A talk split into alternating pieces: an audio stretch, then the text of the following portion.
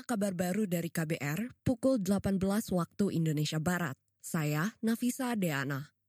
Presiden Joko Widodo hari ini menghadiri seremoni peletakan batu pertama atau groundbreaking Rumah Sakit Abdi Waluyo Nusantara di Ibu Kota Nusantara IKN Kalimantan Timur. Proyek ini sekaligus menjadi rumah sakit pertama yang dibangun di IKN. Nilai investasinya sebesar 2 triliun rupiah. Yang kurang lebih nanti akan ada 400-an kamar, dan yang saya senang, yang tadi disampaikan oleh Dr. Sigit, akan menangani subspesialis. Jadi bukan rumah sakit umum, tapi subspesialis. Presiden Jokowi berharap kehadiran rumah sakit dapat menjadi daya tarik bagi IKN.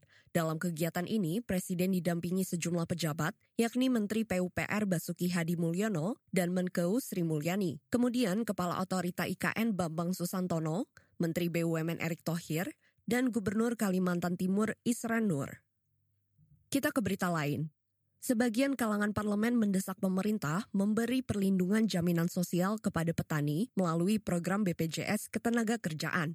Sebab menurut anggota Komisi Pertanian DPR Luluk Nur Hamidah, pekerjaan petani juga penuh dengan risiko petani ini harus diakui sebagai kerja yang berisiko juga. Makanya uh, perlu dilindungi dengan pelindungan sosial berupa BPJS Ketenagakerjaan.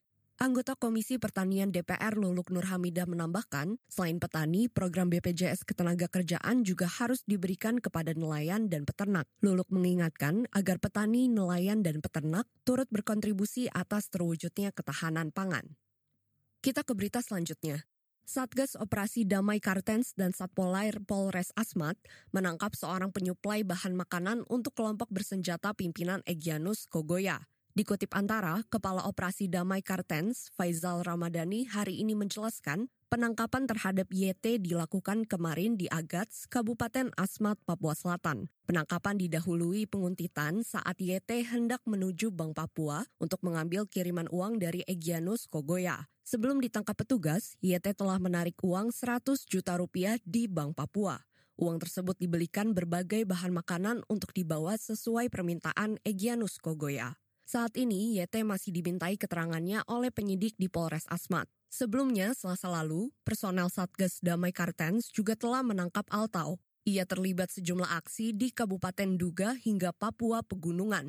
Inilah kabar baru dari KBR pukul 18 waktu Indonesia Barat. Saya Nafisa Deana.